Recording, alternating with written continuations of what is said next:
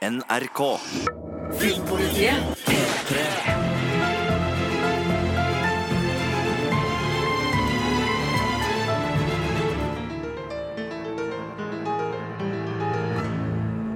Velkommen til Westworld-podden, podkasten for deg som elsker alt som har med Westworld å gjøre, spesielt fanteorier og alt gullet som rører seg på internett.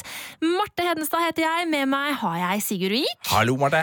Og i dag Sigurd, så skal vi virkelig kose oss med en del av fanteoriene som har oppstått på det store, uh, mystiske internettet. Ja, ja, ja. Det har gått litt over i uke siden sesongfinalen, men internett har absolutt ikke tatt pause, og det syder og koker i en del fanteorier. Uh, Det er noen ganske opplagte, og så er det noen litt mer spennende som vi selvfølgelig skal ta tak i. Og så har det kommet inn en del eh, e-poster fra det store land der ute, så vi også skal svare på litt lytterspørsmål. Ja, det blir eh, spennende. Men eh, før vi som elsker Westworld eh, skal ta et lite dypdykk i fanteoriene, så skal vi snakke med en ganske så spesiell gjest vi har fått besøk av denne uka, nemlig en mann som har hatt sin egen Westworld-podkast da sesong én rulla over skjermen, nemlig Torkil Risan. Velkommen! Hei, tusen takk, Marte og Sigurd. Åh, det er veldig trivelig å ha, å ha deg her, for vi har jo, du har vært ønsket, du har vært en ønsket gjest fra, fra våre lyttere, og nå er du endelig på plass. Stor stas å høre. Takk for det. Ja, og vi kan jo,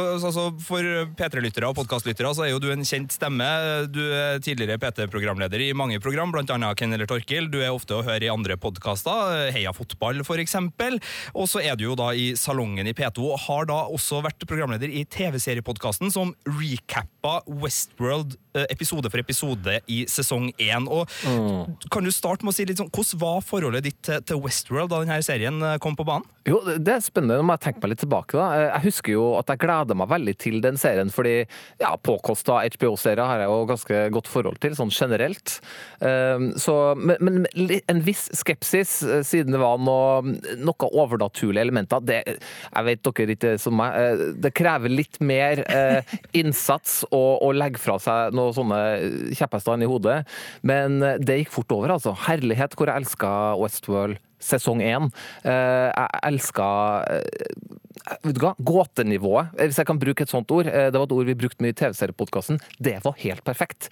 For du du, du var hele tida du, du visste ikke hva, hva er det som egentlig skjer. Tidslinja, eh, hvem er det, og hvem er host, og hvem er menneske?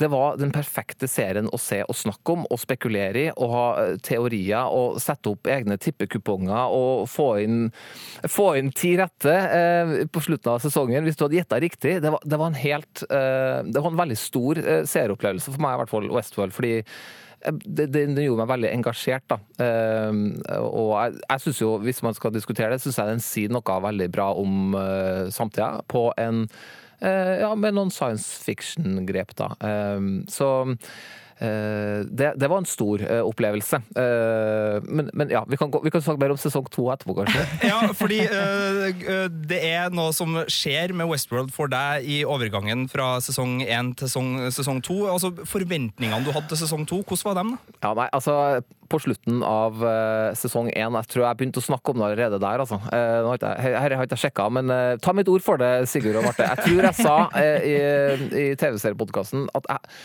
jeg skulle ønske at det var med det her. Det er, nå har vi det godt, dere. Eh, her har vi Anthony Hopkins. og Det, hele, altså det var en per, altså Siste episode av eh, sesong én av Westworld er en av de aller beste TV-serieopplevelsene jeg har hatt. fordi altså brikkene falt på plass. Uh, jeg, altså, det kanskje ikke opplest og vedtatt at alle teoriene uh, stemte og, og ble sånn som, uh, så som jeg hadde gjetta, men, men det så jeg jo så vidt da, i sesong to at, at de ble. da, Det med liksom at William og The Man in Black videre var, var samme person. Men men, så, men det, du, trenger, du trenger ikke å nøste opp i alle trådene. Du kan la det være som den perfekte symfonien det var på slutten der, med Dolores og, og Hopkins. Ah, eh, Det var så vakkert, eh, og jeg skulle så gjerne ønske at det mesterverket fikk stå alene. Ja, Jeg skjønner litt hva du mener, for det er jo som når du ser en film, så kan jo en film kan jo gjerne ha en åpen slutt, og så er det greit, og så, så står den der alene som på en måte en, en skikkelig god fortelling. Og så Du kan du tenke deg 2 og litt 3. videre. Du må ikke lage Matrix 2 og 3. Nå skal jeg på ingen måte sammenligne Westworld sesong 2 med Matrix 2 og 3. Altså de filmene som eh, egentlig aldri bør nevnes. mm. men, men jeg skjønner følelsen at det, på en måte, det var en så bra historie som ble fortalt, og at den godt kunne ha slutta der. Jeg, jeg satt faktisk litt med den samme følelsen der og da, eh, da sesongen var ferdig, at hm, ja, her, nå kunne det faktisk ha slutta. Men så ble jeg jo dritgira da det fortsatte, og jeg ble jo veldig eh, grepet umiddelbart rett inn i sesong eh, to igjen. Eh, Jeg vet at du, Sigurd, var kanskje litt mer nølende på starten der, eller? Ja, jeg var det, men jeg fikk jo se fem episoder på rappen, for jeg Ja. var så heldig å, å være den utvalgte anmelderen, så jeg fikk jo Og da fikk jeg se episoder som jeg likte så godt at jeg ble hekta på igjen. Men, men hvordan var ditt, eh, din, ditt møte med sesong to, Torkil? Nei, altså her, eh, her kommer vi over i den derre Har man lov å hoppe av en serie? Jeg kunne ha sagt meg fornøyd. Jeg, had, jeg, var, jeg var mett. Jeg var, jeg var ikke sånn vondmett. Eh, Jeg var, jeg var behagelig eh, mett, og jeg var fornøyd med det jeg hadde fortært. Eh, Men så så, ja, ok, For å fortsette den elendige metaforen, så sitter du på en, en femstjerners restaurant, og så får du en ny rett. Du går ikke bare hjem, du vil liksom, du vil smake litt på det. Eh, nå, nå, nå kaster vi den metaforen. Eh, så OK, jeg begynte se Jeg begynte å se på sesong to, for å snakke norsk her. Eh, og jeg kjente med en gang at oh, den her Den satt ikke helt godt eh, for, meg. Vi er, tilbake igjen eh, i, liksom gørra litt, altså. Eh, og det, det, handler litt om hvordan jeg leste eh, sesong én også, fordi det var en sånn pågående diskusjon vi kjørte, husker jeg i TV-seriepodkasten. Hvem er det egentlig du har sympati med i Westworld? Det syns jeg var veldig interessant, fordi for meg så var det så utrolig nærliggende å heie på menneskene, eh, siden jeg sjøl er en sånn en, eh, mens eh, de andre så, Hæ, mener du det? Vi heier- jo på robotene, selvfølgelig, eller hostene. Det er jo dem som er liksom uskyldige her. Og så. Det er sånn, Nei, er gæren? Og det ble en veldig interessant ting, fordi det, det lærte meg at Det hadde ikke jeg lært før. At man kan jo lese eller og, og se og oppfatte en TV-serie på fullstendig forskjellig vis. Men der var det flere som hadde som meg, og kanskje flest som hadde sånn at nei, det er selvfølgelig Holstan og Dolores og sånn, det er dem det er synd på, det er dem vi føler med. Men, eh, men det, det gjorde i hvert fall at det ble enda vanskeligere eh, i sesong to, hvor skulle si at det var litt, litt eh, lenger mellom menneskene. Og i hvert fall ikke de der bærende eh, figurene eh, i mennesket, altså en Hopkins da, for eksempel. Eh, så, så, så det, er jo, det i seg sjøl gjorde det veldig vanskelig å Hvem er det egentlig jeg sitter og heier på her? Det, det tenkte jeg tidlig, eh, og da jeg Fordi, OK, liten røpealarm her. Jeg hoppa av eh, sesong to. eh, parkerte den bilen og gikk ut. eh, og det gjorde jeg da jeg bare så Vet du hva? Det er ingen jeg bryr meg om lenger. Ah, så Men, sykt! øh, øh, nå er jeg kjempenysgjerrig. Hvor øh, var det du hoppa av? Hvor var det du bare skrudde av tenninga og tenkte øh, OK, det her er en fin bil, får jeg ta en ny Nei, øh, drit i den. jeg bare ja. server metaforer, altså, og dere bare smasher dem videre. Det er deilig å leke seg med ord. ja, ja, ja. Nei, eh, vet du hva. Eh, jeg tror det var episode fem, cirka. Eh, vi hadde vært borti indianerne. Jeg vet ikke Ja. hvor mange som likte det, altså. Men Ø, ø, altså, Så du den altså, Kik Suya-episoden hvor man fulgte Akei? Én indianer hele Akei? episoden. nei, den så jeg ikke. Nei, ok, greit. Nei. ok. Var det fem eller seks? Det det var åtte. Ja, det var så sent, det. Ja, Okay. Så den det var, den var veldig bra. Ja. Men, det, øh, hør, det hørtes bra ut. Ja, men du hadde fått med liksom James Delos og, og forhistoria til parken, og hvordan de prøvde å bygge han med å spille eh, Rolling Stones på vinyl for en gang etter gang etter gang, til han til slutt bare skulle bli like sprek som Mick Jagger og leve evig. Det var det kuleste hele sesong to. Det synes jeg var helt fantastisk. Ja, og, ja, det likte jeg veldig godt. Um, og han eh, har jo en fet rolle i Ozark også, den eh, han, den skotte, han skuespilleren. Mm. Eh, som det, det likte jeg veldig godt. Fordi det var, sant, det var et menneske der. Det, det, det skal ikke så mye mer til uh, for å få meg med. Men Og For det som jeg synes er så fascinerende med Westworld, er nettopp det at man får sympati for robotene. da, fordi at jeg synes det er så spennende det der med at ja, hvis de ser ut som oss, oppfører seg som oss, er som oss, føler som oss, hva er egentlig forskjellen på oss og dem? Oh, eh, ikke sant? Og det Ja. synes jeg er så spennende. Så, Ja, så jeg føler veldig sympati for robotene. Eh, men ikke alle, selvfølgelig, for det, det er jo noen av de som blir litt vel morderiske. Men, eh, så, så du på en måte hadde bare en sånn derre en iliggende på en måte lojalitet automatisk Ja. mot menneskene, ikke sant? Og det synes jeg, jeg, synes, jeg tror ikke at det liksom eh, får meg til å stå i et godt lys. Det At jeg må liksom eh, identifisere meg Dette med er min art! Ja, ikke sant? Men jeg, jeg, er jo nærliggende å være litt sånn skeptisk til eh, Nå sier jeg roboter, og jeg vet at det er kanskje ikke den riktige termen, men eh, ja, nei, jeg er jo De er jo skapt av mennesker, de også. Og hva slags verdier er det vi overfører? Altså, her er jo et spørsmål som Westfold eh, stiller på en veldig god måte. Da. Hvilke, hvilke verdier er det vi overfører, eller eh, ja, hva slags menneskelige kvaliteter er det vi går sammen og er enige om at jo, det her skal eh, AI få.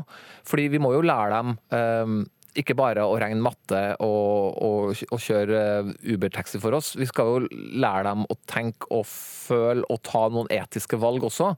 Eh, men hvem er det som bestemmer hvilke etiske valg en robot skal ta? Det stiller så mange spennende spørs ja, eh, spørsmål om Det er filosofier her, ikke sant? Ja, ja. Ehm, så, så nei, jeg, jeg er nok skeptisk til Og jeg snakka med en fremtidsforsker nå nylig, faktisk. Det var utrolig spennende. Og det er Westworld. Det er jo Westworld. Vi lever jo i Westworld snart.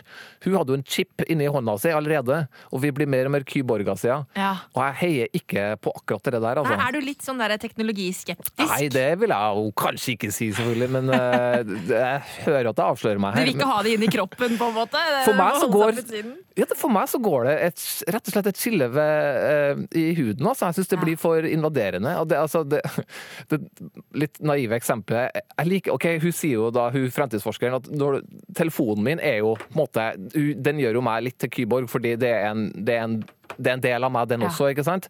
Men jeg mener at ok, hvis jeg legger meg i senga, så kan jeg legge bort den eh, telefonen, og så ligger det bare liksom kjøtt og blod i den senga. ikke sant?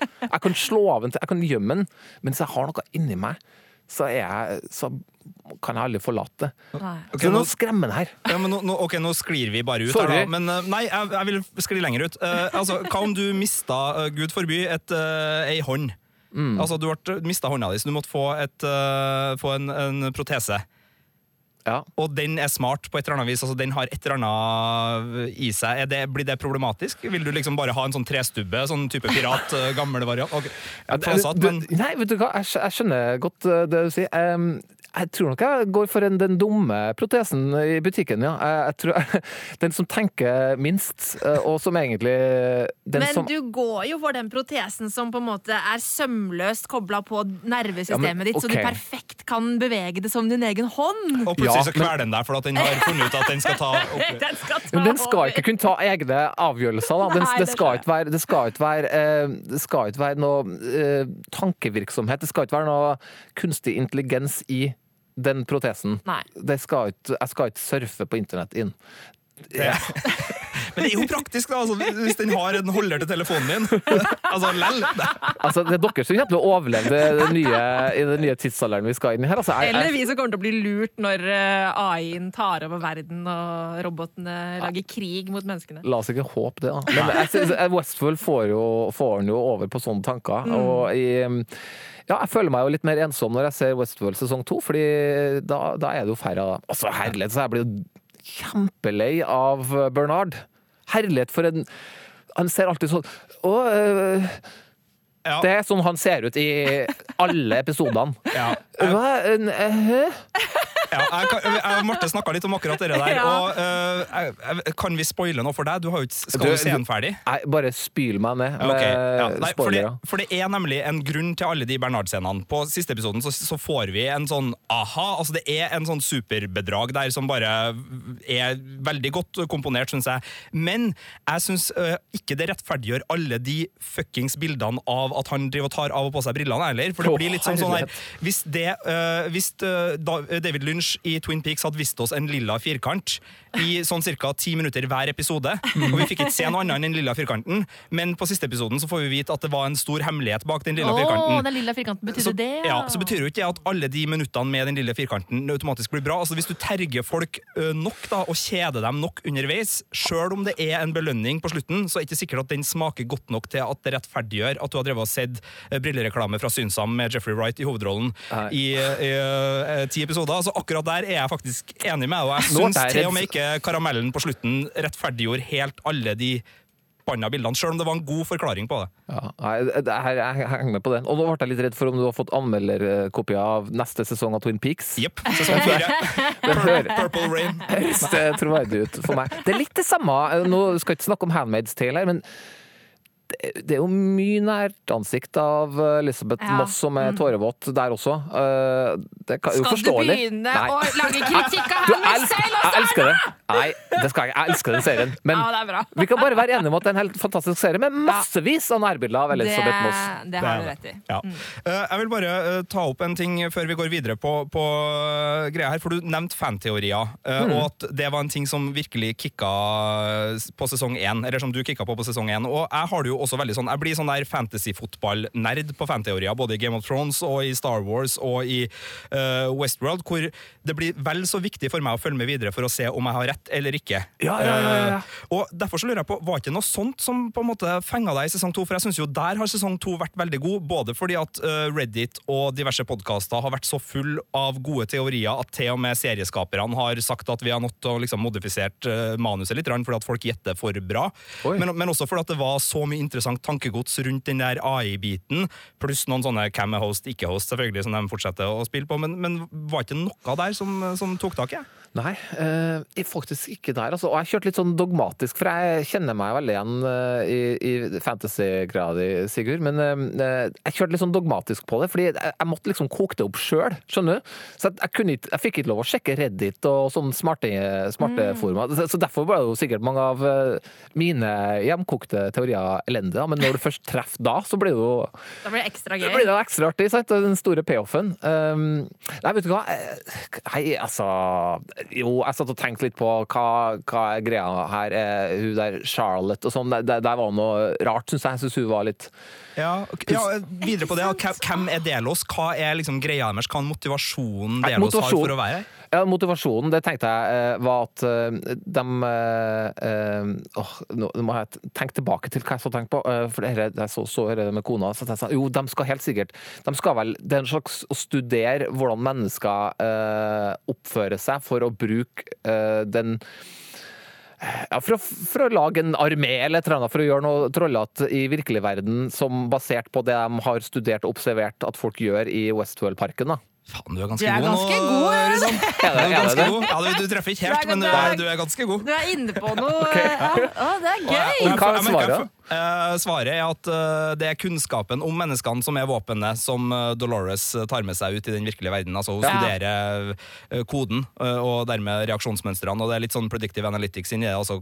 at hun kan da forutse veldig mye hvordan de her vil reagere. For mennesket er veldig enkelt i, på kodefronten. Altså Vi gjør de samme valgene om og om igjen, sjøl om vi simuleres i samme situasjoner, for koden vår er er veldig enkel. da. Mm. Så vi er Ja. ikke så komplisert som vi sjøl liker å tro. Så det det det vises litt med, med Delos og sånn, at grunnen til at han ikke funker så godt, altså gamlefar Delos, er, er fordi at han, De har han han for kompleks. ja, de prøvde å lage en Ja. eh, litt som seg sjøl, kanskje, og så viste det seg at mennesket er så enkelt at hvis du setter det i den akkurat samme situasjonen gang etter gang, etter gang, så bryter det ikke ut av sitt handlingsmønster, det bare gjentar det. Eh, Livsfarlig opplegg, da. ja. Det Åh, jeg synes det er så spennende! ja. Men, men Åh, kan ikke du eh, se tippa. for deg, Torkil? Og så liksom, kanskje du liker det mer etter hvert? Ja, ja, men det, for det kommer jo mer, selvfølgelig. Ja, Ja, ja, ja. sannsynligvis tre sesonger til, i hvert fall sesong tre bekrefta. Mm. Men, men hva var det altså, mer som, som gjorde altså, Eller for å snu det litt på, på flisa, for det her har vi snakka litt med deg om, om tidligere. Altså, Øh, det er jo mange TV-serier som bare fortsetter å gå fordi de kan. Fordi at De merker at de blir populære, de har et publikum, de merker at her kan vi fortsette å, å sende ting. Og Det er jo ikke noe tvil om at Westworld for HBO er blant de dyreste, mest prestisjefulle seriene. Og nå som Game of Thrones er i ferd med å gå ut, og det tar noen år til de får en ny en Jeg tror JJ Abrams driver og lager en ny uh, sci-fi-godbit for, for uh, HBO som skal liksom bli en sånn. Så har de Big Little Lies, men det er et litt annet publikum. Så, så de trenger jo et Westworld som skal liksom dominere deres posisjon, eller som skal holde på deres posisjon som feinschmecker-gigantene da, i en en eh, TV-serieverden hvor både Netflix og Disney og Apple og Amazon kaster penger etter eh, store ting nå, mens eh, HBO holder på det her. Men, men hva tenker du liksom om det? Hvorfor skal en TV-serie leve videre, og hvorfor burde den eventuelt ha, ha runda av? og, og hva, Hvilke tanker har du rundt det? Nei, altså, Alt det du sier om uh, politikken da, i, for leverandørene Jeg syns jo det gjør faktisk altså Det preger jo selve produktet. Det, fordi du vet, og jeg vet, og alle vet, at det er akkurat sånn det er. Altså, HBO de, de skriver jo serien med tanke på at den skal foregå over lang tid, det skal være lange linjer, det skal gå over flere sesonger, fordi de trenger den. Akkurat sånn som du sier. Og det påvirker for meg seeropplevelsen. Fordi det tar, det, det tar fra uh, det, det, blir forutsigbart. Altså, eller for å være mer presis, det er mangel av uforutsigbarhet. Fordi du vet at um, um, OK, de, de, de, de, kan ta livet av en Anthony Hopkins eller en Sean Bean i, i Game of Thrones, men det, det, er visse ting du vet at det her det, den personen eller den figuren eller det kan ikke skje, fordi du vet at det skal foregå over, over så, så, så lang tid. Og det ødelegger litt av umiddelbarheten for meg når jeg ser en, en serie. Eh, kontra når jeg ser en miniserie, f.eks. Eh, der kan alt skje føler jeg. Fordi jeg vet at det her har en tydelig slutt. Med en gang jeg vet at ok, spillereglene her, her finnes det fem episoder av Patrick Melrose. Mm. Eh, alt kan egentlig skje uh, i, i, den serien. Kanskje litt dårlig eksempel med Patrick Melrose, som heter Patrick Melrose, og du vil tro at Patrick Melrose ikke dør i episode én. Men, uh, men, men miniserier uh, syns jeg er Jeg er blitt veldig glad i miniserier, nettopp for jeg er en litt dårlig seer. Jeg, av, jeg har, fordi jeg, jeg, kjenner Jeg kan liksom reglene for en TV-serie. Jeg vet hva som skjer, jeg skjønner med en gang ting, tror jeg. da. Så, så, så jeg er veldig opptatt av å, å hele tida kunne ha elementet av å bli overraska. Det er veldig viktig for meg. Ja. Jeg vil ikke skjønne. Eh, jeg vil gjette, og jeg vil noen ganger ta, ha rett, men jeg vil også ta feil, og jeg vil også bli overraska. Jeg elsker det hver gang jeg, jeg, jeg blir overraska, og alle seriene som overrasker meg hvis alle de andre eh, element, komponentene er på plass, altså det er et godt manus, et godt eh, skuespill, alt, alt, er bra, men i tillegg jeg blir overraska og at uventa ting kan skje, ja, da elsker jeg den serien. Jeg er helt enig med deg der, og jeg syns du har veldig gode poenger. Bare for å spille djevelens advokat, da, så er det jo også noe med det å få vite at man kan investere i noe med trygghet og visshet om at det skal fortsette. Altså, det er jo en grunn til at Star Wars sier det kommer en trilogi laga av uh, han som uh, Rian Johnson nå. Uh, Game of Thrones, man vet at det skal liksom følge bokserien, man vet at det skal være altså, For da kan man investere med hele hjertet sitt og en, en visshet om at her blir jeg tatt vare på over tid, da, selv om man ikke nødvendigvis blir tatt godt vare på. så, så har man liksom linja å strekke seg etter, og den der eh, litt sånn eh, nesten sånn eh, narkotikamessige, apatiske, gode sprøyta man får i noen, der man bare slapper godt av og bare sånn Å ja, her skal jeg være lenge, og bare det, liksom chille. Men det her reiser jo enda flere spørsmål om hva, hva er det du søker etter når du ser en TV-serie. Hvis du søker etter å, å være i et kjent og godt selskap og tilbringe ja, 58 minutter med, med, i et, et, landskap du liker, og med eh, aktører du, du, trives sammen med, så er det jo sånn.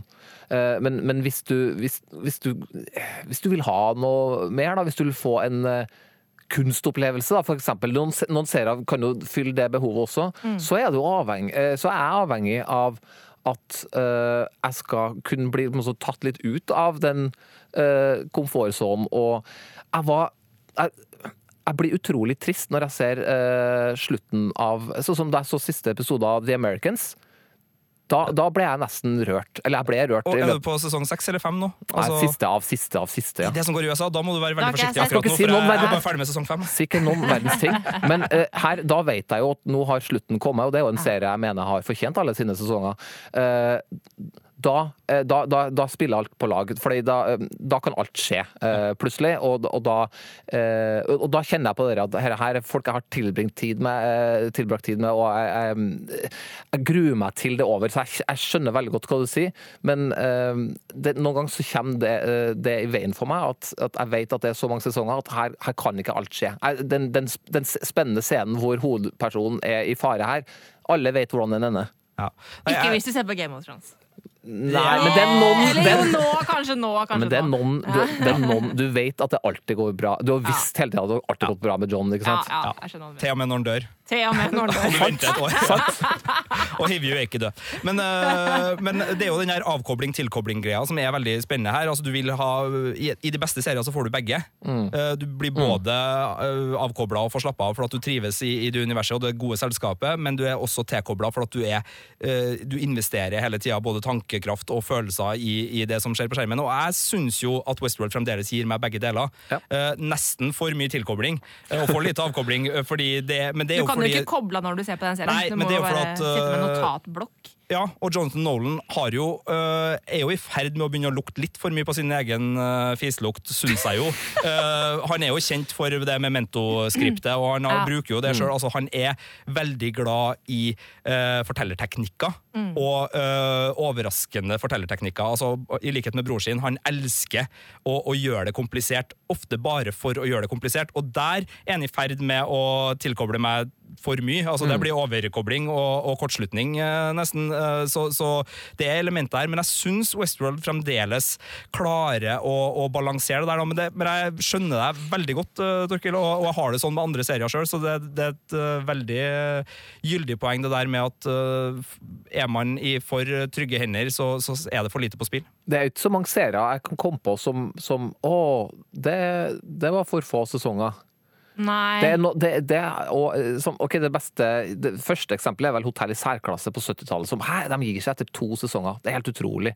Bare tolv episoder av uh, to Towers da, med John Cleese. Og så gjorde vel eh, Ricky Gervais gjorde det samme med The Office og Extras. Og det Um, Fikk Mannen med nakne pistol, eller Police Squad, fikk jo filma, da, så selv om det bare var seks episoder i den originale Police Altså, vi kan jo nevne Firefly her, som ble avslutta for tidlig. ja. Den kunne gått fortsatt litt. Men det er jo litt sånn jeg Ja. Men, men altså, jeg, jeg er veldig enig med deg, Torkel, at eh, miniserier er veldig tilfredsstillende. Eh, og også den der, Jeg har en sånn følelse av at det er blitt veldig mye mer populært de siste åra. Eh, nettopp fordi at folk ønsker å få en sånn ferdig fortalt historie. Men, men jeg har ikke noe imot at de planlegger sånn som med Westworld, så lenge jeg er sikker på at de har en plan. At, de har en, at de vet hvor historien skal ende opp. Ja, det- det er helt for enig med deg. ellers så blir det et helvete. Når det er Mm. en serie som bare går og går og går, og manusforfatterne skriver som eh, Ja. Eh, faen Og plutselig så må kontrakter reforhandles, og så Ikke får ikke man en rollefigur fordi de ikke har råd til å betale den. Sånn som Big Little Lies nå har jo kjempe, hatt kjempeproblemer med å rekke å betale uh, Laura Dern og Mm. Reece Witherspoon og Nicole Kidman.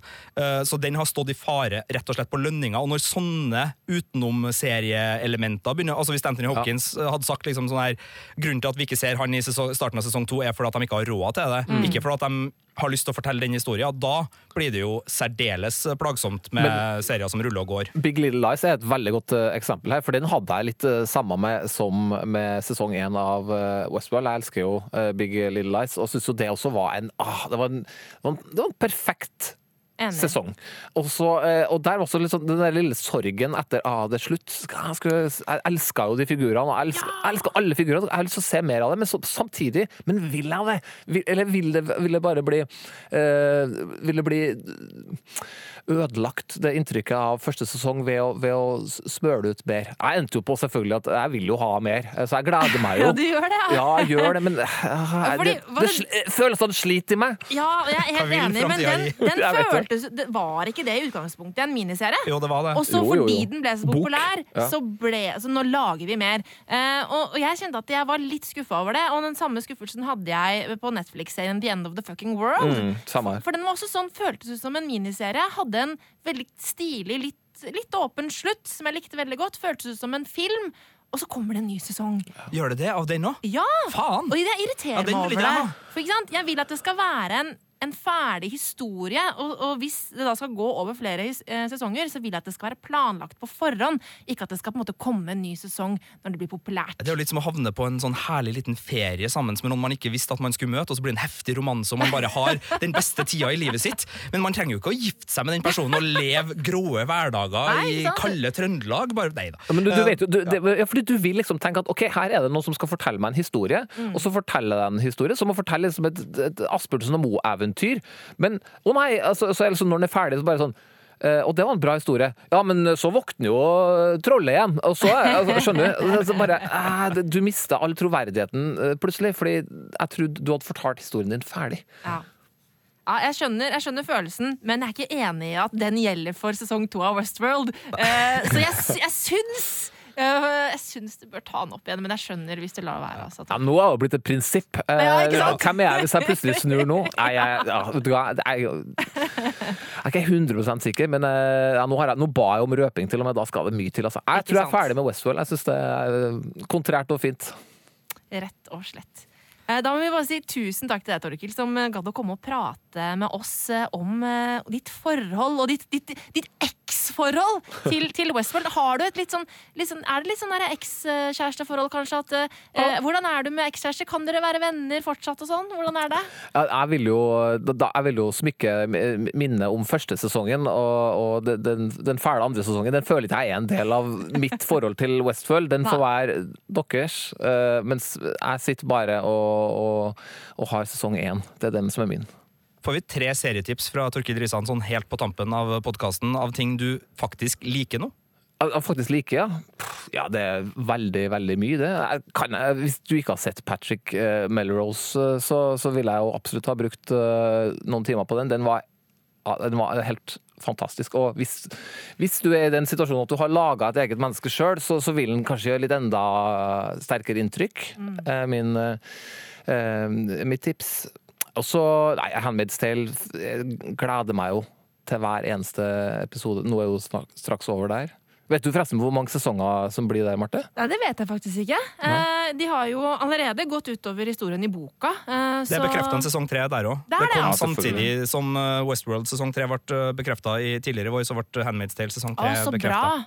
Bra! Jeg er veldig stor fan av den serien. Nei, og så er det bare 39 dager til eh, Better Call Saul. Så ikke, men hvem, hvem teller? Eh, det er fair, det henger jeg fortsatt, fortsatt faktisk med på, selv om jeg mener at der går eh, ja, der går eh, der- Kvaliteten stuper der, altså. Ja, jeg, jeg vet at det er flere som fremdeles digger The Affair, og, og all kreditt til dere, men jeg ramla av når det liksom ble enda et historielag der. Det var sånn der Dere har sett to versjoner av samme eh, hendelse. Velkommen til den tredje versjonen! Ja, jeg er jo ikke konsekvent her, fordi den, der, eh, ja, der er kvaliteten i fritt fall, altså. Ja, men gode skuespillere, da. Det, det, det er verdt å se bare for det. Det er det. Tusen hjertelig takk, Torkil, for at du både kom og snakka om Westworld og ga oss noen noe TV-serietips. Og så kan det jo hende i andre podkaster fra Filmpolitiet at vi har andre serier å snakke med deg om, så vi håper jo at du fortsetter å se på TV. da. Takk for at jeg fikk komme. Filmpolitiet.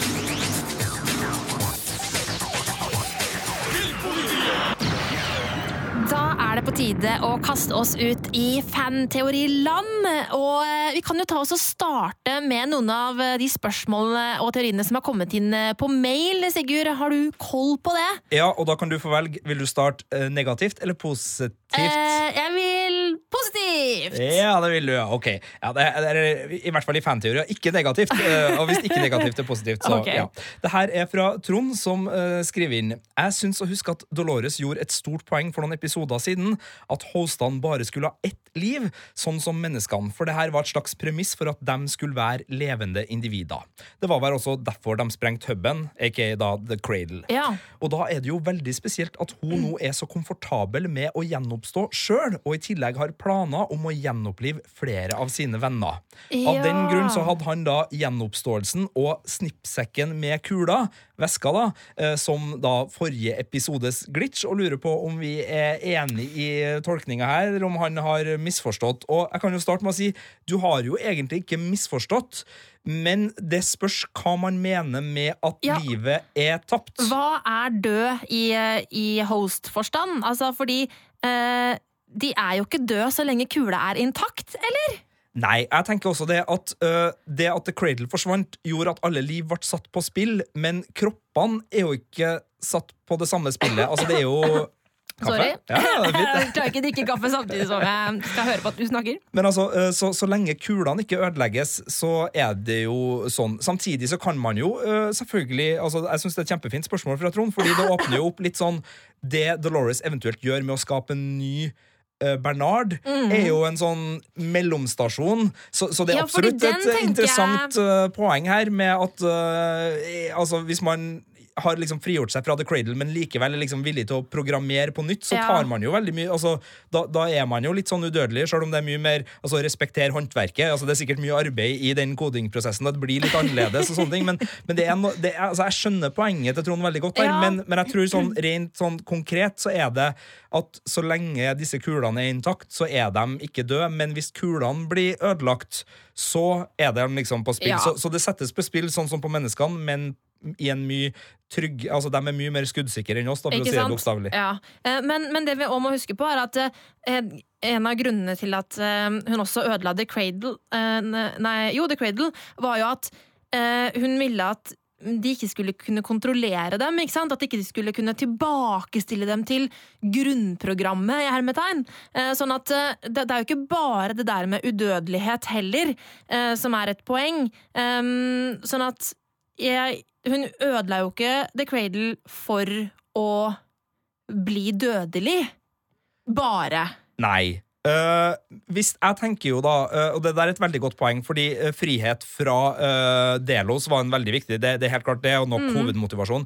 Jeg tenker jo litt sånn, Hvis det er Ford som har drevet og trukket i trådene her, og har en plan med det, så det vi snakka om litt i, tidligere i Westpoden nå, eller på kontoret, nå husker jeg ikke helt, men det er at en viktig del av det å bli selvbevisst er tanken på at man kan dø. Mm. sånn at for robotene så var det, eh, det å klippe de trådene også viktig for at de sjøl skulle få den følelsen av at eh, livet deres faktisk sto på spill. Eh, Det var kanskje mer noe vi tenkte på at Ford kanskje har tenkt på, enn noe vi tenkte at eh, alle hostene sjøl tenkte på, men at det var en slags gave til dem. da Mm. At livet deres nå var uh, uten sikkerhetsnett. Og da mer på en måte dyrebart uh, på et vis også. Når det kan faktisk at, eh, mistes. ja. I tillegg til at det selvfølgelig satte opp spenningsnivået i serien, Ja. fordi det tok jo også barnesikringa av serien Mm. uh, på et visst nivå. Sjøl om det viser jo seg da at når de her var skuddsikre, de her kulene, Ja, så ble det jo men, litt men det er ikke selve kula. Nei, nei, eh, det er casingen ja. rundt. så Mm. ble det jo litt uh, barnesikringa på igjen, da. Det Og, det. og, de, og det vi trodde var liksom sånn Å, dem kan dø, og dem kan dø, og dem kan Å, der ligger de Ingen igjen. kan ja. Bortsett fra dem som er i paradis, da. Ja. Muligens. Men, Men- det kan vi kanskje komme tilbake Men, men det jeg tenker er at eh, jeg tror ikke Dolores anser uh, en host som død hvis kula er intakt. Ikke sant? Så jeg tror ikke hun tenker at hun skal gjenopplive en død person. Eller? Men, men da kan vi jo begynne å snakke, fordi Men det der når det gjelder Bernard, der er vi jo inne i et Altså, enten så er det en feil det som skjer i den siste scenen i sesongfinalen, måten den er formulert på. At hun sier 'jeg har bygd deg en gang, jeg kunne, jeg kunne bygge deg på nytt'. Altså Enten så er det en feil, eller så er ikke Bernard en, en av kulene hun har med seg ut. Eller så har hun da to Bernarder. Det har vi snakket om før. For, det, altså, for det, Måten hun formulerer seg på, betyr at den kula som da var Bernard sin i parken, ikke er inni hodet på den Bernarden vi ser på slutten av sesongen. Og det er veldig forvirrende!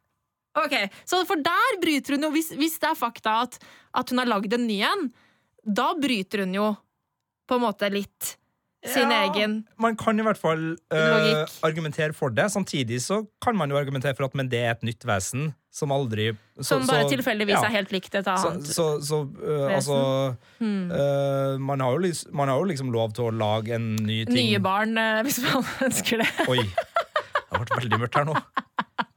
Veldig mørkt her nå. Sorry. Nei, nei, det, er fint, men øh, ja. Øh, jeg tenkte mer på at en snekker kan bygge seg en ny Pinocchio hvis den andre Pinocchioen går sund, men øh, det- Men altså, Pinocchioen var også, ble òg en levende gutt. Ja, mm. hvis man da kan ja. Ja. Nei, det der er, er, er vrient, men, men en, en kjempegodt poeng. Ja. Eh, fordi det handler jo noe om altså, mye, Og det var jo Torkil absolutt inne på. Altså, det handler jo mye om uh, at vi skal få forståelse og innlevelse med de her rollefigurene. Og da må både regelverket som bygges fra serieskaperne, være sånn at vi forstår regelverket i hvert fall på ett punkt, og Ja. kan stole litt på det. Uh, og så må vi uh, skjønne logikken til rollefigurene. Og så hvis vi møter på rollefigurer som sier en ting og gjør noe annet, så vil jo det skape, uh, i hvert fall hos meg, en sånn å ja, hun er ikke til å stole på. Mm. Eh, så, så det er klart, altså, det, det har noe med hvordan vi opplever Dolores, uh, Ja. sjøl om på en måte man kan si ja, ja, men hun brøt ikke sin egen regel. Nei, men så har vi jo sett at Dolores har jo øh, ofte Eller altså hun har jo på en måte ikke brutt sin egen regel, men hun har gått imot sine egne følelser igjen og igjen for å nå det ultimate målet sitt. Altså hun har selv om hun elsker faren, så, så uh, på en måte ofra hun han for å nå målet. Selv om hun elska Teddy, så ødela hun han fordi hun trengte en uh, mer uh, kaldblodig morder. Altså, altså hun, hun, har hele tiden på en måte gått imot sine følelser. Da. Sånn det, så det er jo ikke så out of character at hun snur på flisa, egentlig. Det er sant, det. Et annet poeng som vi kan snakke litt om, kommer fra Ragnar, som starte med litt skryt da, og si at podkasten er fin, og det liker vi jo. Så, så, vi er jo veldig glad for at du har sendt inn, eh, Ragnar. Eh, og han har noen kommentarer som eh, han sier Dere er sikkert klar over den, men dere har ikke nevnt dem. Og det her er gode poeng som vi har vel streifa innom det ene poenget her, ser jeg, men, men de er verdt å ta igjen. Og det gjelder lokasjon. Du kan se koordinater, skriver Ragnar, på en skjerm en plass i serien. Ja. De her koordinatene passer med de falske øyene uh, i hermetegn som Kina lager utenfor sin egen kyst i dag.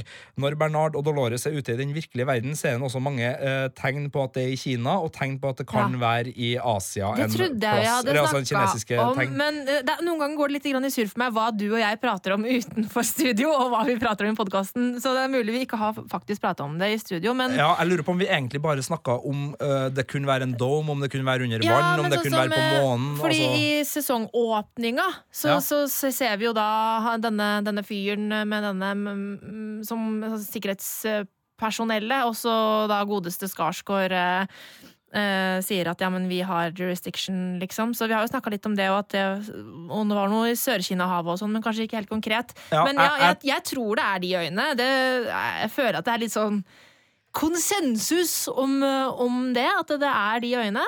Ja, det kan godt være. Og så må jeg med, medgi nå at jeg kan ikke så mye om akkurat dem, men jeg liker det, og det fører oss til det andre poenget som Ragnar har. Det gjelder årstall. Og uh, han sier at en kan se på en dato på en skjerm uh, en plass uh, at nåtida er 2052, ja. og det er da 34 år etter at Arnold dør og parken åpner. Og det har Ragnar helt rett i.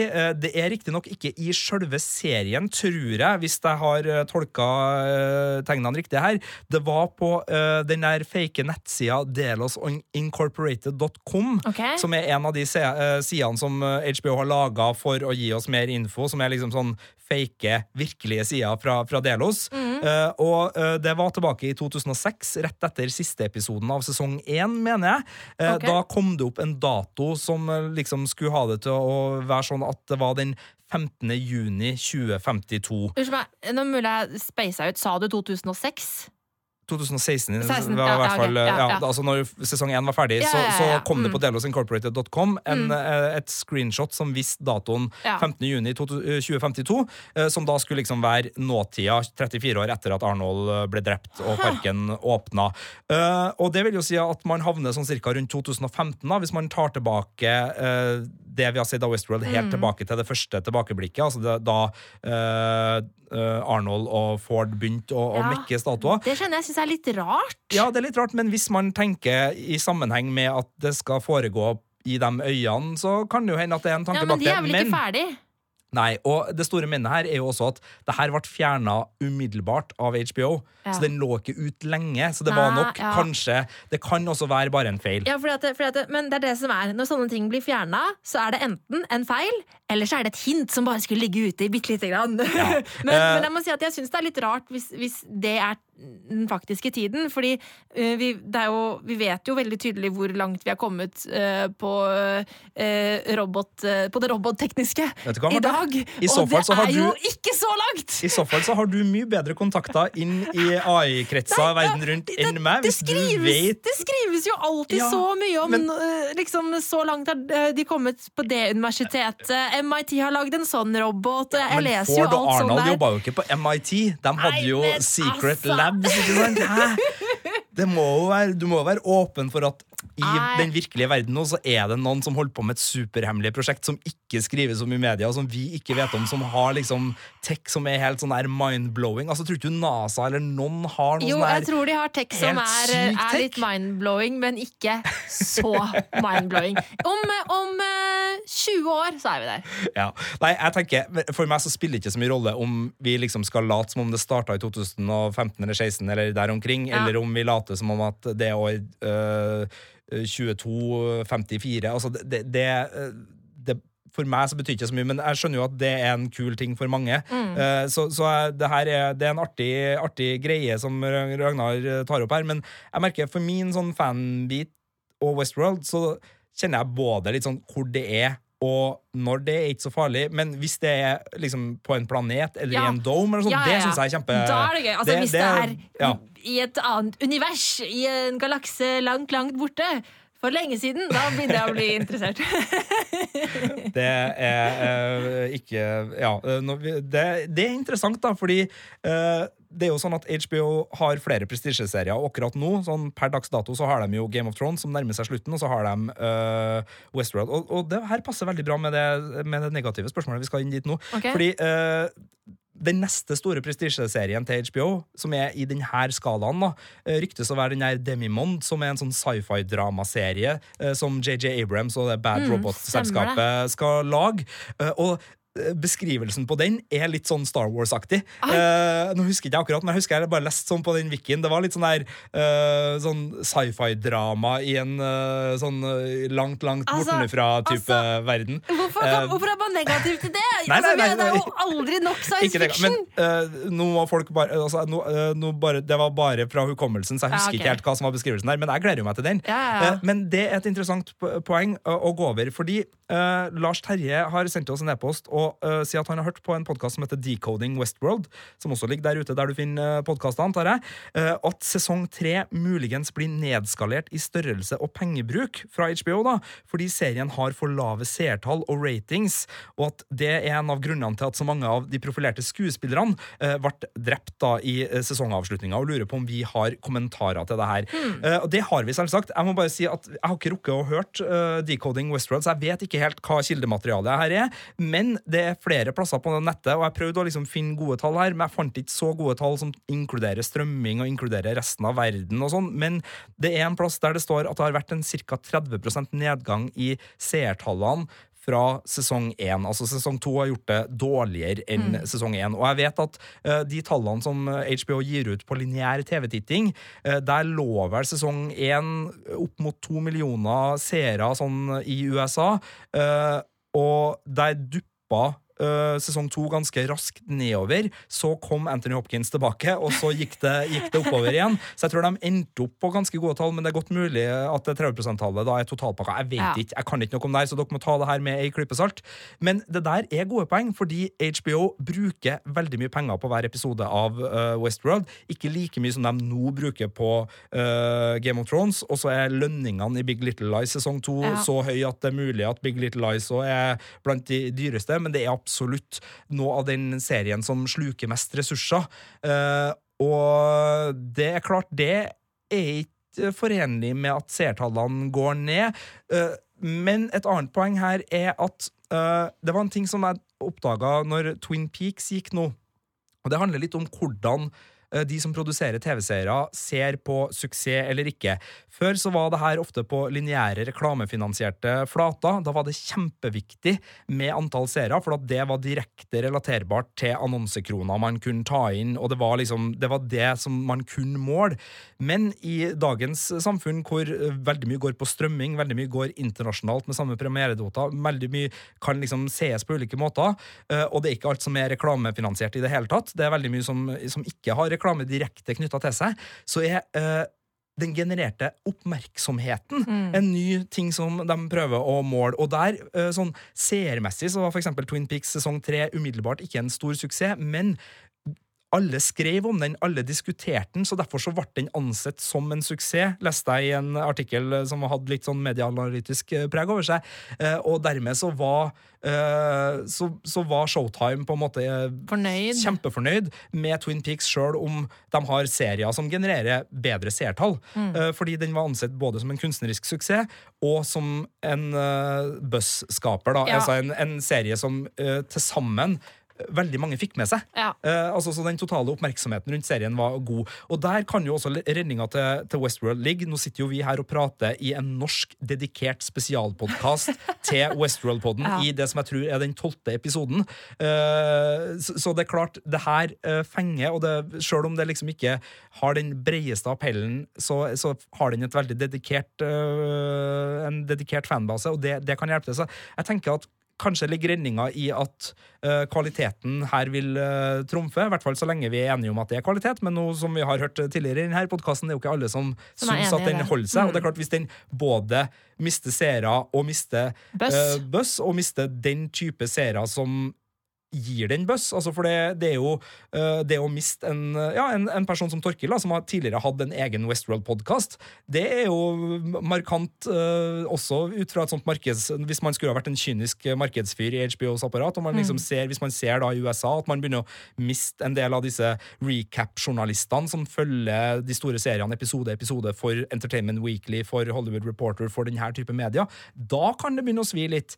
Så, så det er spennende, og da ligger jo da JJ Abrams andre store sci-fi-serie, Demimon, der, og kan bli noe som Uh, det kan få økt sine bevilgninger, men nå er vi i gjetteland her. Ja, altså. Jeg er gjetter veldig mye, men jeg syns det er kjempeinteressant det Lars Terje tar opp her. For det, det er klart det er, det er fare, og grunnen til at eh, Game of Thrones-pila har pekt oppover, og at det har blitt dyrere og dyrere og flottere og flottere og bedre og bedre, uh, er jo fordi Uh, både publikum og presse og Flere alle og flere har sett på. har blitt hekta på. Det var jo ikke så insane mange som så den første sesongen av Game of Thrones. Altså, Nei, og den ser jo ikke like bra ut. Nei, den gjør jo ikke det, ikke Den, sant? sånn når man ser den tilbake. Så, Mm. ja. Nei, det, det er absolutt uh, det er ikke grunn til bekymring for sesong tre, for den er bekrefta. Og det, er- vi skal også komme til det er noen punkter som også er bekrefta for sesong tre, som vi, vi gleder oss til. Men, øhm, men sånn for Westworld som, øh, som prestisjedrama, og det albuerommet Lisa Joy og Jonathan Nolan har hatt så langt, både med tanke på kreativitet, ressurser Altså Hvis du ser de der behind the scenes kulissevideoene om hvordan de hvor, hvor mye energi og ressurser de bruker på research og bakarbeid for å få scenene så fine. Altså Hvis det begynner å skorte på dem, så ser kanskje ikke serien så kul ut, og så blir man ikke så begeistra. Ja. Så, men øh, fingrene kryssa for at de har både kreativ og økonomisk kapital nok til å få det her til å svinge. Ja, og for, men for min del så, så hadde det ikke gjort noe om det eksempel bare er Bare blir fire sesonger, for eksempel.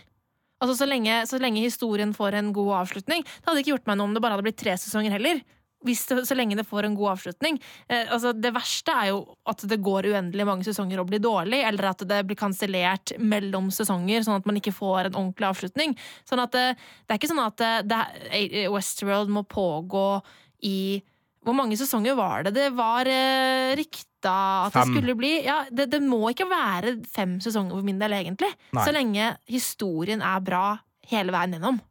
Vil du ha en uh, gladnyhet uh, på tampen her, uh, Marte Henestad? Ja, når det gjelder det der. Fordi uh, det er jo ofte sånn at serier skrives underveis, men i hvert fall slutten har eh, Lisa Joy og No- Jonathan Nolan klar for seg, har de sagt. Akkurat Og som George jeg- R. R. Martin har sin slutt klar på Ja. Game Og of jeg har et sitat her eh, fra Lisa Joy som er ganske ferskt, som, som eh, går på det. The overarching question of the series is what will become of this new life form. Mm. So I feel it would be irresponsible to not have an end goal in mind. Så de har tydeligvis, eh, eller i hvert fall ifølge seg sjøl, Ja. tenkt ut en, eh, en slutt, eller en, i hvert fall et tema for slutten, og det går da på hva vil skje med det her nye livsformen som vi da Ja. eh, Som, ser på eh, som AI-en i det her tilfellet, vil jeg tro, Ja, i hvert fall ut fra det vi vet nå. Og det er jo litt betryggende, da. Å- å høre at Lisa Joy har, eh, har Og, disse ordene. Og vi har jo hørt, altså Lisa Joy har jo før snakka om at det skal ikke bli lost, folkens. Slapp av. Sånn at når, når de går såpass på en måte bastant ut og sier noe så konkret, så, så regner jeg med at, at vi er i, i trygge hender, altså. Så jeg tror det kommer til å gå helt fint. Ja. Eh, Jeg skal bare ta med en, et tips fra Anita, og det er flere som har tipsa om det her. Det er bare eh, en, Hvis du syns det er forvirrende med, med Westworld, og du har tenkt å se det igjen, eller sånt, så er det en timeline som er veldig god, og som er interaktiv, og som det hele tida legges til og finjusteres på. Kult. Eh, Den ligger på thisinsider.com. Det er bare å søke på Westworld Timeline, og thisinsider, vil jeg tro, så, så kommer du dit. Og det, det er en veldig sånn fin loddrett eh, tidslinje som, som har plotta inn de fleste store begivenheter. Og Der kan du liksom også gå tilbake nå og se på når var det egentlig eh, Charlotte ble til Mm. uh, Dollahale, eh, eller Dolores. ja. uh, altså, Der var det vel også alle en eh, annen eh, mail som kom inn, uh, husker jeg ikke hvem det var fra, som, had, som sier at uh, der hvor eh, Charlotte er Dolores, er når hun ikke har på seg uh, skuddsikker vest. Ja, det er Kristian som har sendt inn eh, en liten sånn der eh, tips. Jeg har ikke dobbeltsjekka det her, men jeg antar at Kristian har sitt på det tørre. Tusen takk for at du sendte inn, Kristian. Og det er, hvis du skal se om igjen, så er alle scener der Dolores er Charlotte i forkledning. eh, det er da hun har på seg skuddsikker Ja, vest. hun har på seg vest. Ja, Ja, så hvis, øh, hvis Charlotte har på seg skuddsikker vest, så er det da Dolores egentlig, Ok. øh, skriver Christian. Eh, og så tar han også inn Stubbs-biten, for det er jo mange som lurer på hva egentlig Stubbs Ja. er. Og han sier da at han har jo ikke elda seg i det hele tatt. Eh, så hvis han har vært med i parken fra begynnelsen av, eh, altså omtrent før William kom inn i bildet, så er han jo mest sannsynlig en host. Og der har vel du sitatet som Stubbs kommer med i den scenen for det Stubbs sier, er eh, You know, the old man himself hired me so many years ago I can barely remember it. Så han sier jo ikke jeg har vært med fra starten, men han sier jo at eh, jeg har jobba her veldig lenge. Og så sier han at eh, at det var Ford som ansatte han. Men altså, han kunne jo altså, Hvor gammel er Stubbs i uh, Si han er i 40-åra, da. Ja. Uh, han kunne jo ha blitt ansatt da han var i 19, så er jo det veldig mange år siden. 16 nå? Eh? Sommerjobb, liksom. Ikke sant? Internship. Sommerjobb Ja, ja. i Westworld. Sånn at det, det betyr jo ikke nødvendigvis at han, at han er en host, akkurat det, men det, det legges jo opp til at vi skal tro det, eh, og det er jo med overlegg, selvfølgelig. Skal jeg komme og være skikkelig, skikkelig kjiping her? Ja. Eh, Det er vel bekrefta fra både regissørhold og fra serieskaperhold i diverse intervjuer at de i hvert fall nå sier at Stubbs er host. De sier det rett de ut. sier det rett ut. Uh, I hvert fall sånn som jeg har lest intervjuene. Okay. Lisa Joy sier ikke rett ut. Hun sier bare at Men jeg tror det er den ene regissøren som har sagt det rett ut. Det er i hvert fall et sitat som går rundt på nettavisa okay. uh, om at det er bekrefta. Men uh, hmm. igjen, da, for det første, det betyr ingenting. Eh, Fordi Nei, det, eh, folk sier mye rart. Ja, ja, folk Ja. sier mye rart, og de leker jo med oss. De vil jo at vi skal tenke og, og tanke. Og, og for det andre, uh, ting kan bli oversatt litt merkelig, ting kan bli oppfatta litt merkelig, og spesielt amerikanske nettsider er liksom, de er så gæli på å tolke et sitat og liksom trekke ut en Ja. bekreftelse eller trekke ut et uh, Og et eksempel på det kan vi jo egentlig bare ta nå, for det har jo vært uh, en del sånn kritikk mot uh, plottlinjene, de store plottlinjene i denne sesongen. At de har liksom uh, hangla litt, og, det har jo vi jo vært med på. Vi har jo til dels vært enige og, og drivere av den kritikken. Eh, og noe har gått på det sånn virker som de liksom bare uh, lodder stemninga etter hver episode og skriver, Ja. liksom, skriver seg inn i en ny retning. Og, der har det kommet et eh, sitat fra regissøren av den siste episoden. Jeg skal eh, lese det her, så det blir riktig. Det her er fra et nettsted som heter Collider. Og eh, regissøren Frederick E. O. Toy, som da hadde siste episoden, han har uh, sagt til Vanity Fair at Jonathan Nolan eh, Literary, literal, Bokstavelig talt. Ja. skrev scener om at uh, Altså den scenen der Stubb snakker til Dolores uh, etter et lightbulb moment the night before it was shot. Eh, så det kan jo tyde på at Jonathan Nolan kom på at uh, Stubb skulle være en vert eh, kvelden før de skøyt den scenen. Og- Noe som vil tyde på at han liksom ikke hadde det planlagt hele tida. Det er i så fall urovekkende ut fra et uh, det tillitsforholdet jeg føler at jeg har til serieskaperne her. Fordi Ja. jeg føler jo at de har en grand plan. Ja, og sånn som når vi har altså, Vi har jo referert til tidligere i en, intervjuet intervju med Jeffrey Wright, hvor han på en måte forteller at å, herregud, når jeg nå eh, skjønte det og det i sesong to, så så jeg at jeg kunne trekke tråder helt tilbake i scener vi spilte inn i sesong én, mind blown, og det var liksom sånn, ja, de har virkelig liksom eh, store linjer her, men hvis, hvis man skal begynne sånn å finne på nye ting dagen før innspilling, da blir jeg litt sånn eh, engstelig. Men, men, eh, Men men, så kan vi jo legge godvilja til òg, for det at han skrev scenen dagen før, betyr jo ikke at han ikke har tenkt tanken. og altså, Han kan jo ha lagt til rette for det under hele tida, han, uten å ha sagt det til noen. Ja. For å holde det hemmelig. Jeg vet ikke. Det blir litt litt sånn konspiratorisk. Ja, det er nettopp det. Men det, men det, altså det er litt for å illustrere hvor uh, man kan plukke sitater, ta dem ut av sammenheng og skape sitt eget verdensbilde veldig lett, også når det gjelder Ja. TV-seriefanteorier. Altså, det gjøres jo i politikken, for all del, men, men det gjøres også uh, blant uh, oss kulturjournalister. Uh, og det er jo akkurat som du sier, altså det her sitatet fra, som er en annenhåndskilde òg. Ja. Altså det er en, regi, det er en det er en nettavis som siterer et blad som har snakka med en regissør som gjengir en serieskaper. Eh, og det, Ja, det er liksom det er mange ja. ledd her, og, og, det, og som du sier, det trenger ikke å bety noe. Det kan hende at han bare skrev, flikka litt på den scenen og gjorde den enda mer uh, sparkly. Eller uh, ja, altså det, det har ingenting å si. Men hvis man vil da, hvis man vil bli bekymra, så kan man bli bekymra også. Så, så her nærer vi Ja. jo opp under det samme som Absolutt. vi ja. Så, så det er litt sånn Det er litt uro da i enkelte fanmiljø for at det ikke er like forseggjort og Gjennomført som man gjennomført som man får Mm. inntrykk av. For det er jo så utrolig nøysomt utført Ja, ikke sant? Fordi, ellers. fordi sånn som det man får lyst til å gjøre eh, når man begynner å tenke at Stubbs er host, er jo å se alt på nytt, ikke sant? Og virkelig eh, detaljstudere hver eneste scene med han. Hvordan er det blikket han liksom hvordan, hvordan var det han reagerte da hun og hun sa det i sesong én? Hvorfor gjorde han det? Hvorfor gjorde han det? Men, men hvis, hvis dette bare er funnet på nå, så, så har jo på en måte Stubbs vært et menneske hele sesong én, og så Og da er det jo Vil det jo da bli masse sånne feil, ikke sant? Ja, jeg kan jo få med at Fredrik også uh, Altså Fredrik og Toy også He also shared Hemsworth, altså skuespilleren Ja. som spiller Stubbs, sin reaksjon uh, når han da fikk de her sidene med dialog. Mm. Uh, I just read this scene. Oh shit. Ikke sant. Noe som skal få oss til å tro at han da ikke var klar over at han var host mens han spilte inn Og sesong én. og da snakker vi om bare sånn, Sett, sett en liten sammenligning opp mot, um, mot JK Rowling, da. eh, Og hvordan hun behandla Snape-figuren i Harry Potter da, da filmene skulle spilles inn. Um, altså skuespilleren um, Nå har jeg jernteppe. Alan Rickman. Alan Rickman, Jesus Christ. Uh, Alan Rickman han fikk jo vite helt fra starten av at, uh, at Snape egentlig var forelsket i moren til Harry, og, og egentlig bare prøvde å redde Harry hele veien, og at han hadde liksom Ja, hele greia der. Eh, og det visste han hele tiden. Sånn at eh, uansett hvilke regissører han jobbet med, og uansett hvilke manusforfattere han jobbet med, så kunne han hele tiden si nei, men det der ville ikke Snape gjort av at jeg vet noe dere ikke vet. Eh, og da blir det jo så bra, for da veit du at skuespilleren har det laget med seg hele tiden. Med Alan Rickman så blir det så bra, ja. Selvfølgelig. Men liksom sånn, tenk så mye bedre det da hadde vært hvis han som spiller Stubbs, da på en måte hadde visst hele veien at han faktisk var host, men ingen visste det.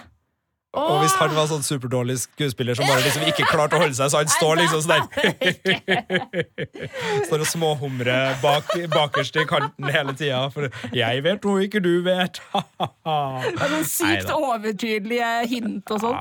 Men det var en veldig fin e-post fra Christian. Og bare ta med på slutten Han øh, sier også at Dolores kan ha flere enn fem kuler i veska si, for det kan jo være noen som er skjult under den hansken. Vi Men- kan bare glede oss til neste sesong. Ja, men hadde ikke du også noe mer informasjon fra Lisa Joy der? Nå føler jeg at jeg bare maler Ja, ut nei, i 50-åribegeret, men ja, hun har bekrefta Ja. at det er kun fem kuler. Ja. Uh, og hver enkelt av dem inneholder én host. Hva skjer med at de er veldig host, på sånn bekreftelsesfronten, da? Hvorfor, hva, hvorfor driver de og bekrefter ting i hytt og pine? Nei, altså eh, Igjen, da. Jeg vil ikke vite noen ting, da!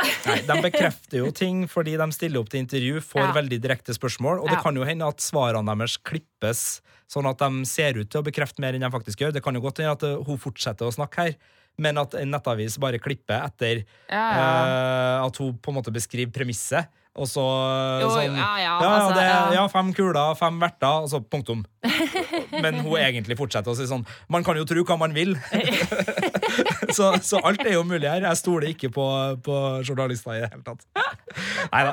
men, men det virker som det, det er fem kuler det, det er lagt opp til, da. Så, Ja. så det, det er vel det vi i hvert fall eh, vet vi får. Men det gjør meg ikke noe klokere på hvem som er i de kulene. Nei, det gjør det jo absolutt ikke. Men vi kan jo eh, ramse opp det som eh, flere nettaviser nå har liksom sagt sånn Dette vet vi om sesong tre, ut fra diverse intervju som er gjort. da.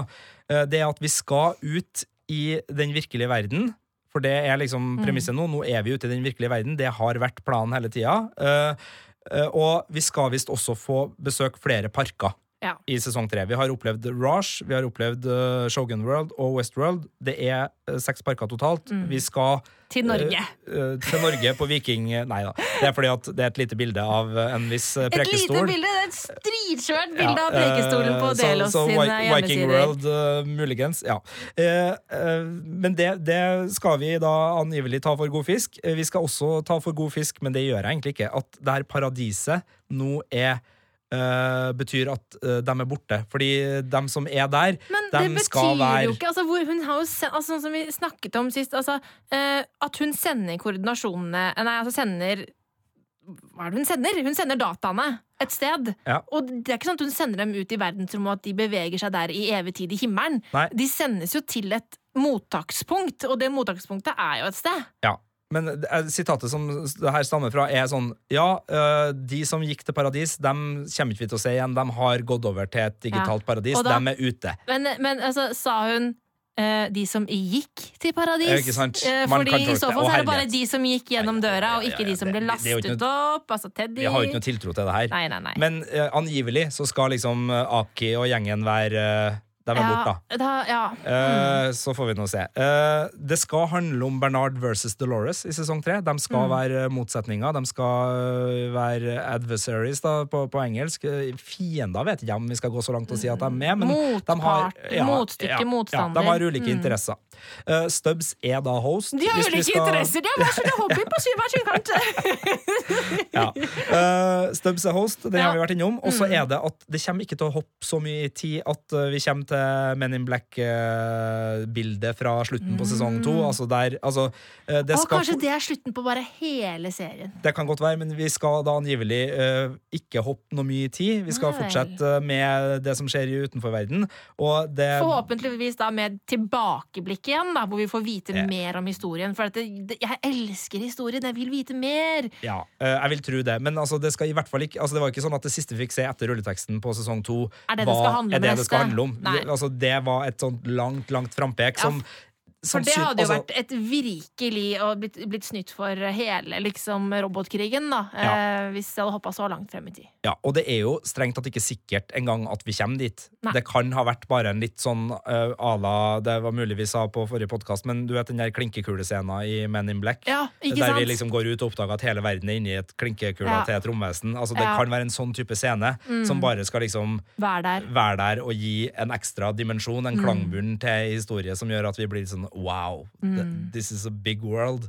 Her kan alt skje, eh, type scene. Så, men jeg håper jo vi, vi skal dit, og vi har jo eh, bare gå tilbake til forrige podkast, dere som eh, vil, for å høre litt teorier vi har rundt hva den kan bety. Men eh, av sånne store vondt i hodet-ting som, som uh, preger internett nå, da, så kan vi bare avrunde med et par store. Det er, den ene er jo at det er Teddy som er i Charlotte sin kropp, som står ved siden av Mm. Dolores, fordi ha- uh, hun står der litt som en sånn right-wing Ja. Right hand man-type, og, og det er folk som mener at de ser igjen litt av Teddy i den posen. Og da må Teddy da ha vært Altså, en av kulene okay. som Dolores tok med seg ut og Ja, putta da men, i Charlotte-kroppen. Altså, den Noe står som helt også- i ro!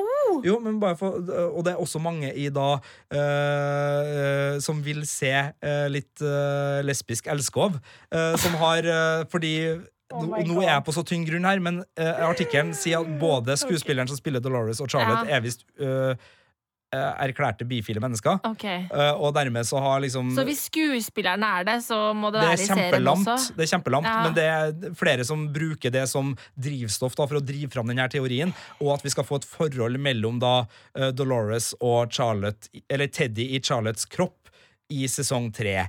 Eh, jeg tror ikke på det fordi A.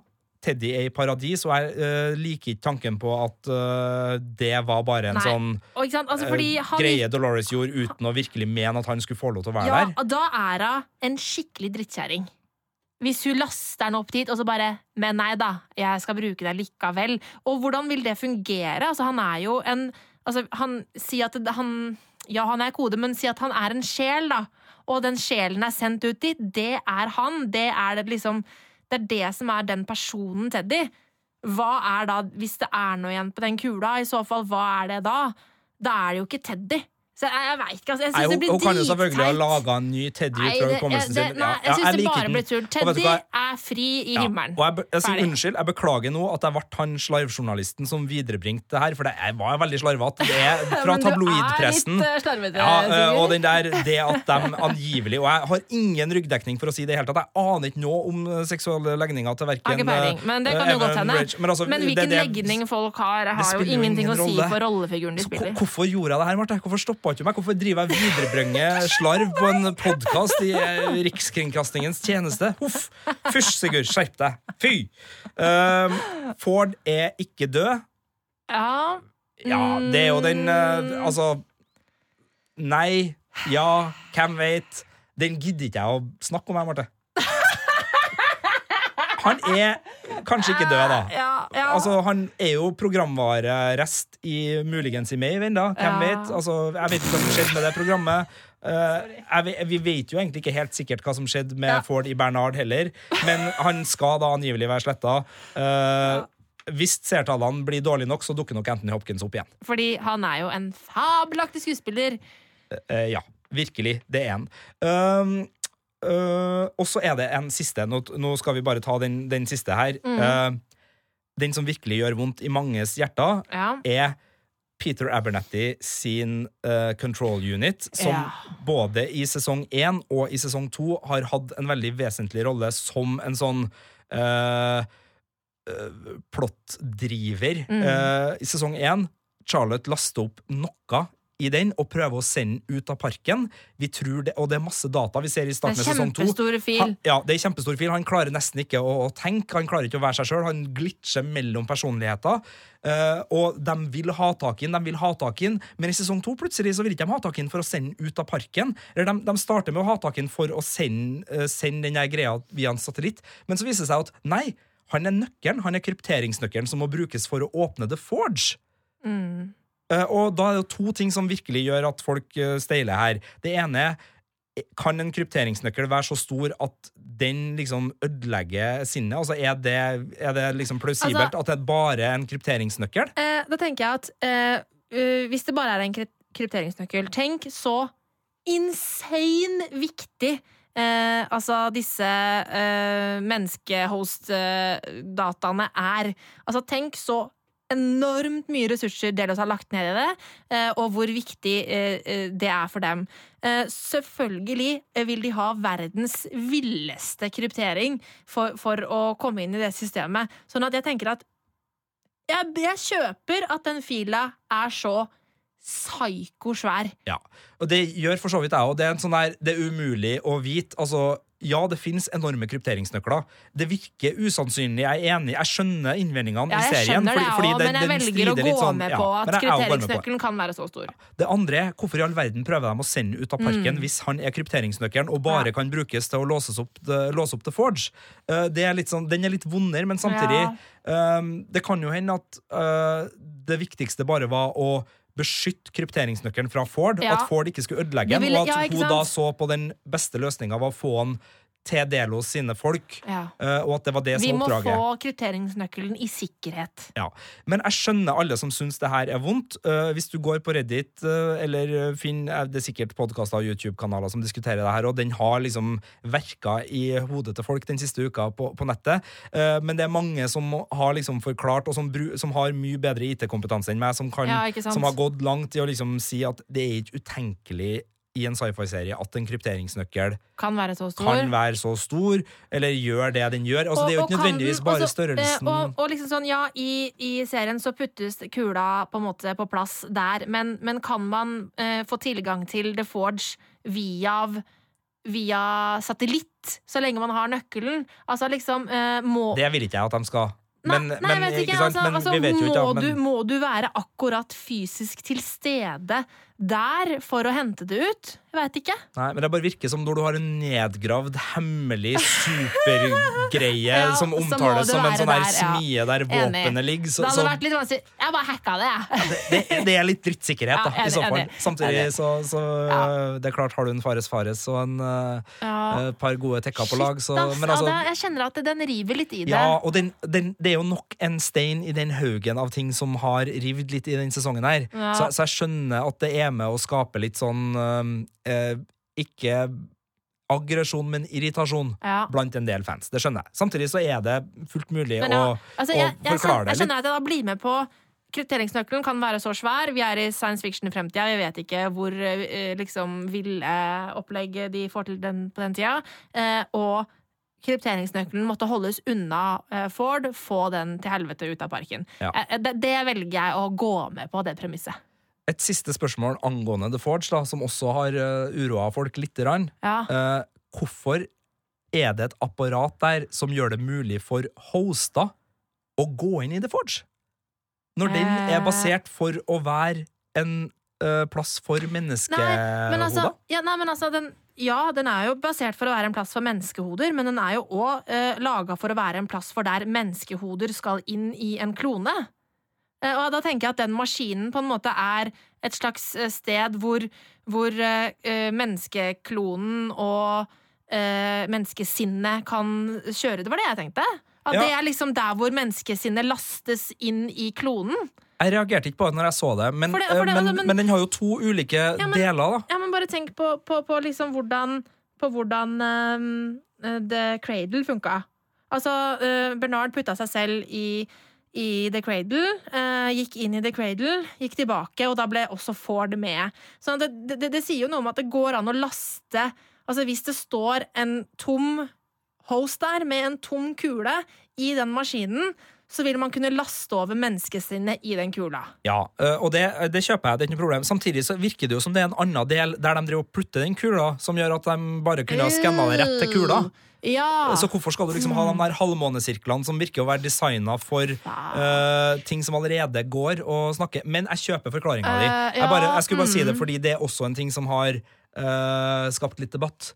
Eh, Altså, fordi The Forge er jo ikke The Cradle, Ja. Det er jo på en måte egentlig Ja, vet et speilbilde. Ja. Så, så hvorfor skal liksom hosta ha muligheten til å gå sjøl inn? Så kan man jo si Ford del- putta det der. ikke sant, Delos bygde det, Ja. men Ford har putta det der for at Bernard skal være arkitekten. Så, Mm. så igjen, null problem å finne løsninger. Men nok et sted hvor uh, Westworld eh, at liksom, gjør at det liksom, lugger litt for noen, da. men altså liksom, hvis på en måte det er hoster som har drifta den plassen, sånn som liksom programmet, altså Logan-programmet driftet øh, prosessen inni, inni The Forge, så kanskje det har vært hoster som har vært vaktmestere, på en måte, Har vært ut og inn på den måten. Vet du hva? Nå beskrev du jo Du øh, beskrev bøkene. de der hvite dronehostene så godt nå. De, liksom, de, de har blitt vaktmesterne i den serien her. Heldigvis ikke fullt eh, Trond-Viggo Torgersen-utstyrt, der de liksom kommer sånn Unnskyld, Anthony Hopkins, nå må du flytte litt på beina dine. Nå står du i veien her. Uh, what's this? Ja, ja, ja, du får flytta deg, da. Litt Altså- mer sånn faretruende Ja. vaktmester som bare kommer bort til deg og ser på deg med et tomt fjes. Hadde Westworld blitt bedre av en sånn comic relief, Marte? Eh, nei, altså Nå som uh, Sizemore eller Seasmore er ute, han var jo vår comic relief, bør de få inn en slags vaktmesterfigur? Vi har jo disse eh, noen dårlige comic reliefs i løpet av sesongen. Ja, men vi har aldri sagt noe stygt om uh, vaktmesterrollefiguren til Trond-Viggo. Det har vi ikke, uh, men det har heller ikke vært et tema. Jeg sier, Dan Børge, vår kjære NRK-kollega, har jo pensjonert seg nå. Uh, jeg vet ikke hva Trond-Viggo holder på med, men altså muligheten for å få disse inn i HBOs uh, rekker og få altså, ja, nei, Altså, altså, jeg tenker har sånn en drøm. eh, altså, Ingrid Baase Berdal har jo garantert noen kontakter, så hvis hun og Trond-Viggo kanskje kan eh, hooke opp litt og utveksle litt info, så tror jeg det er en mulighet. Ja, og med det så beviser vi for alle og enhver at vi har snakka mer enn lenge nok eh, på denne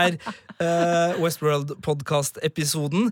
Eh, det vi vet ikke helt når neste episode blir. Nei. Men vi slutter ikke med Westworld-poden, så vi er klar for sesong tre. Og når det dukker opp nok kule ting, så kommer vi til å kjøre en eh, liten minipod. Og hvis vi skulle liksom slumpe til å få tak i noen kule folk som har masse på hjertet om eh, Westworld, så er det ikke umulig at det kommer litt sånn småpodder her også. Nei. Og så kommer vi jo til å fortsette å skravle om både film og TV-serier og spill i både den ukentlige premierepodden som Filmpolitiet gir ut eh, hver uke, og spesialpodkaster eh, på både diverse serier og annet artig som vi syns Ja. det er verdt å skravle om. Og hvis du har noen forslag Ja. til hva du vil at vi skal skravle en times tid om, eh, enten det er en TV-serie du elsker, eller det er filmserier eller filmer du har stor glede av, eller sånn som da vi bare liksom dikta helt fritt vilt og bare så for oss hvordan en Ringenes herre-TV kunne se ut.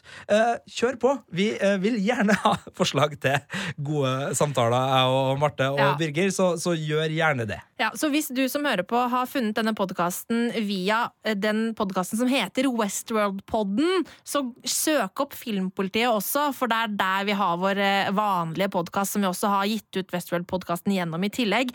Eh, og så må vi bare si Tusen, tusen takk for at du har fulgt oss gjennom denne sesongen. Eh, alle som har sendt inn spørsmål, alle som har sendt inn teorier, eh, og alle som har sendt inn ris og ros, og folk som kommer bort til oss på gata eller på Twitter eller whatever og sier at eh, de hører på. Jeg blir så glad, jeg! Det er helt fantastisk. Og tusen takk til alle gjestene som har stilt opp. Mm. Senest nå Torkid Risan, men altså, det er jo en herlig gjeng som har gjort det så artig å skravle om det her. Ja, det har vært en fryd å ha med Erlend Lånke Solbu, Remi Horgard, Lydia Jonas, Dr. Jones! Uh, har vi hatt flere gjester? Har vi hatt flere gjester? Det er mulig vi har hatt flere gjester. Slutt å stille meg sånne vanskelige spørsmål, Marte.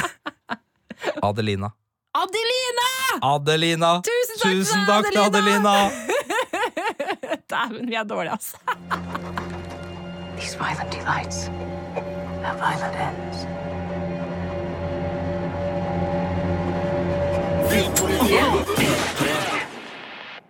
Du finner flere podkaster på p3.no podkast.